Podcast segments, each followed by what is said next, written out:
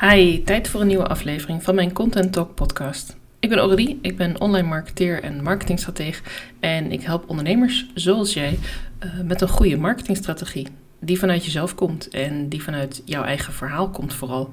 Waarin het dus belangrijk is dat je ook weet, wat is mijn eigen verhaal? Wie ben ik? Wat maakt mij uniek? Wat is mijn USP of mijn superpower? Waar help ik mijn klanten echt mee? En natuurlijk zijn er heel veel mensen die datzelfde vak doen. Er zijn heel veel therapeuten, juristen, tandartsen, uh, marketeers, uh, van alles nog wat, uh, VA's. Maar die doen niet exact hetzelfde als wat jij doet. En zeker niet op exact dezelfde manier hoe jij het doet. En daar zit gewoon echt een heel groot verschil in. En dat vind ik juist ook het allerleukste om te ontdekken bij jou. Om te kijken, ja, wat zit er nou precies achter?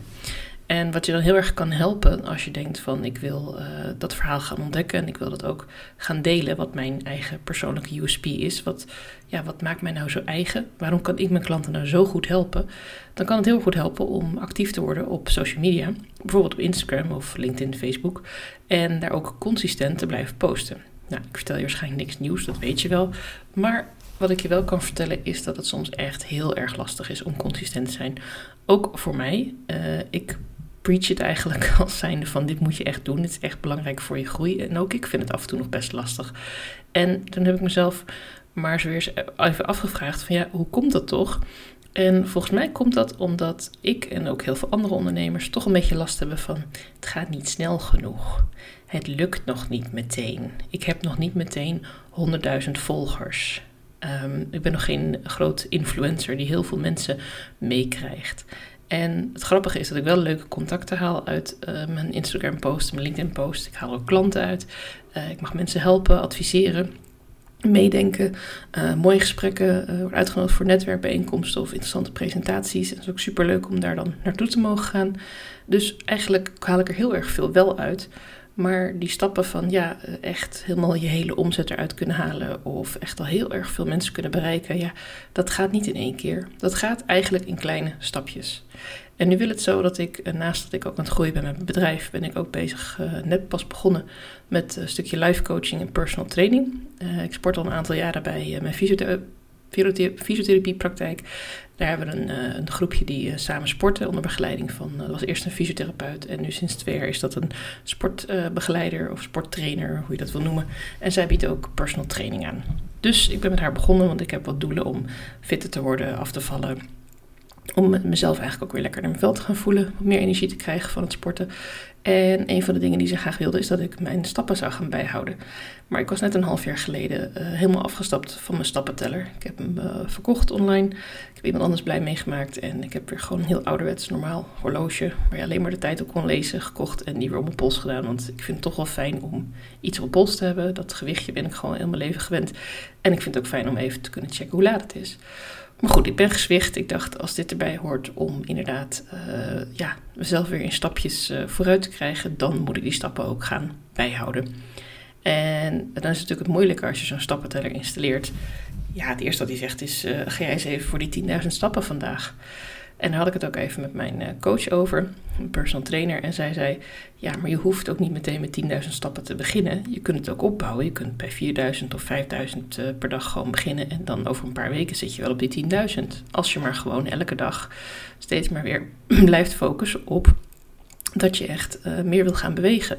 En of het nou uh, 100 keer de trap op en af is, of dat je lekker even hè, in je pauze ertussenuit gaat en even lekker flinke wandeling gaat maken, het telt allemaal mee. Dus dat heb ik nu ook gedaan. Ik heb die stappenteller omgedaan. Ik heb een iets lager doel erin gezet. Uh, om gewoon mee te beginnen. Om mezelf wel uit te blijven dagen. Uh, dat ik in ieder geval weer uh, bewuster ga worden van hoeveel ik beweeg op een dag. Dat ik vaker breaks neem tijdens mijn werk bijvoorbeeld. En om in kleine stapjes dus op te gaan naar een groter doel. wat ik uiteindelijk ook kan behalen. Want ik heb ook een periode echt wel boven de 10.000 stappen per dag kunnen lopen. Maar ja, dat is ook iets, dat bouw je gewoon op. Dat is ook als je weer begint met sporten of als je weer begint met, ik noem maar wat, tennis of voetbal. In het begin gaat het gewoon niet allemaal zo makkelijk, gaat het niet allemaal meteen zo snel. Dus die stapjes die mag je nemen.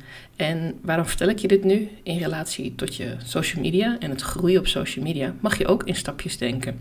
Je kunt nou, misschien een hele enkele keer als je bijvoorbeeld een hele aparte video maakt of echt iets heel fundamenteel, innovatief, uh, krankzinnigs doet, dan zal het wel snel gaan. Maar over het algemeen, als je als ondernemer gaat uh, werken aan je zichtbaarheid, dan kan er best een half jaar of een jaar of misschien wel langer overheen gaan voordat je echt een flink bereik hebt. En daarbij vind ik het dan ook nog heel erg belangrijk om te kijken ja, wie zit er eigenlijk in dat bereik? Is dat wel mijn ideale klant? Of zijn het eigenlijk gewoon allemaal mensen die het af en toe wel grappig vinden om iets van mij te lezen of te liken? Of iets erger, misschien zijn het allemaal bots. En heb je er eigenlijk helemaal geen fluit aan, want ja, bots gaan niet bij je kopen.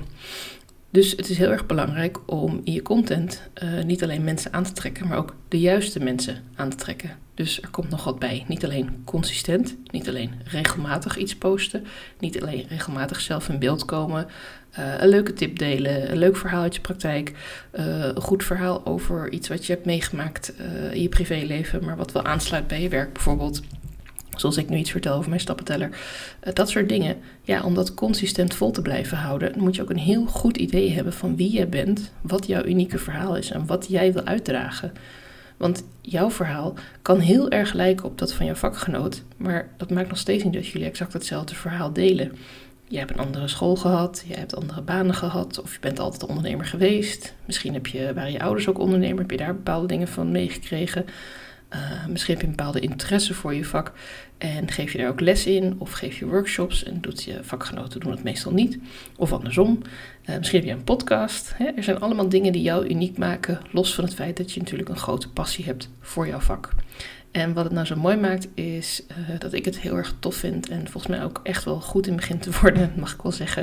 Ik ben nog een beetje aan het oefenen met echt dat ook hardop te kunnen zeggen.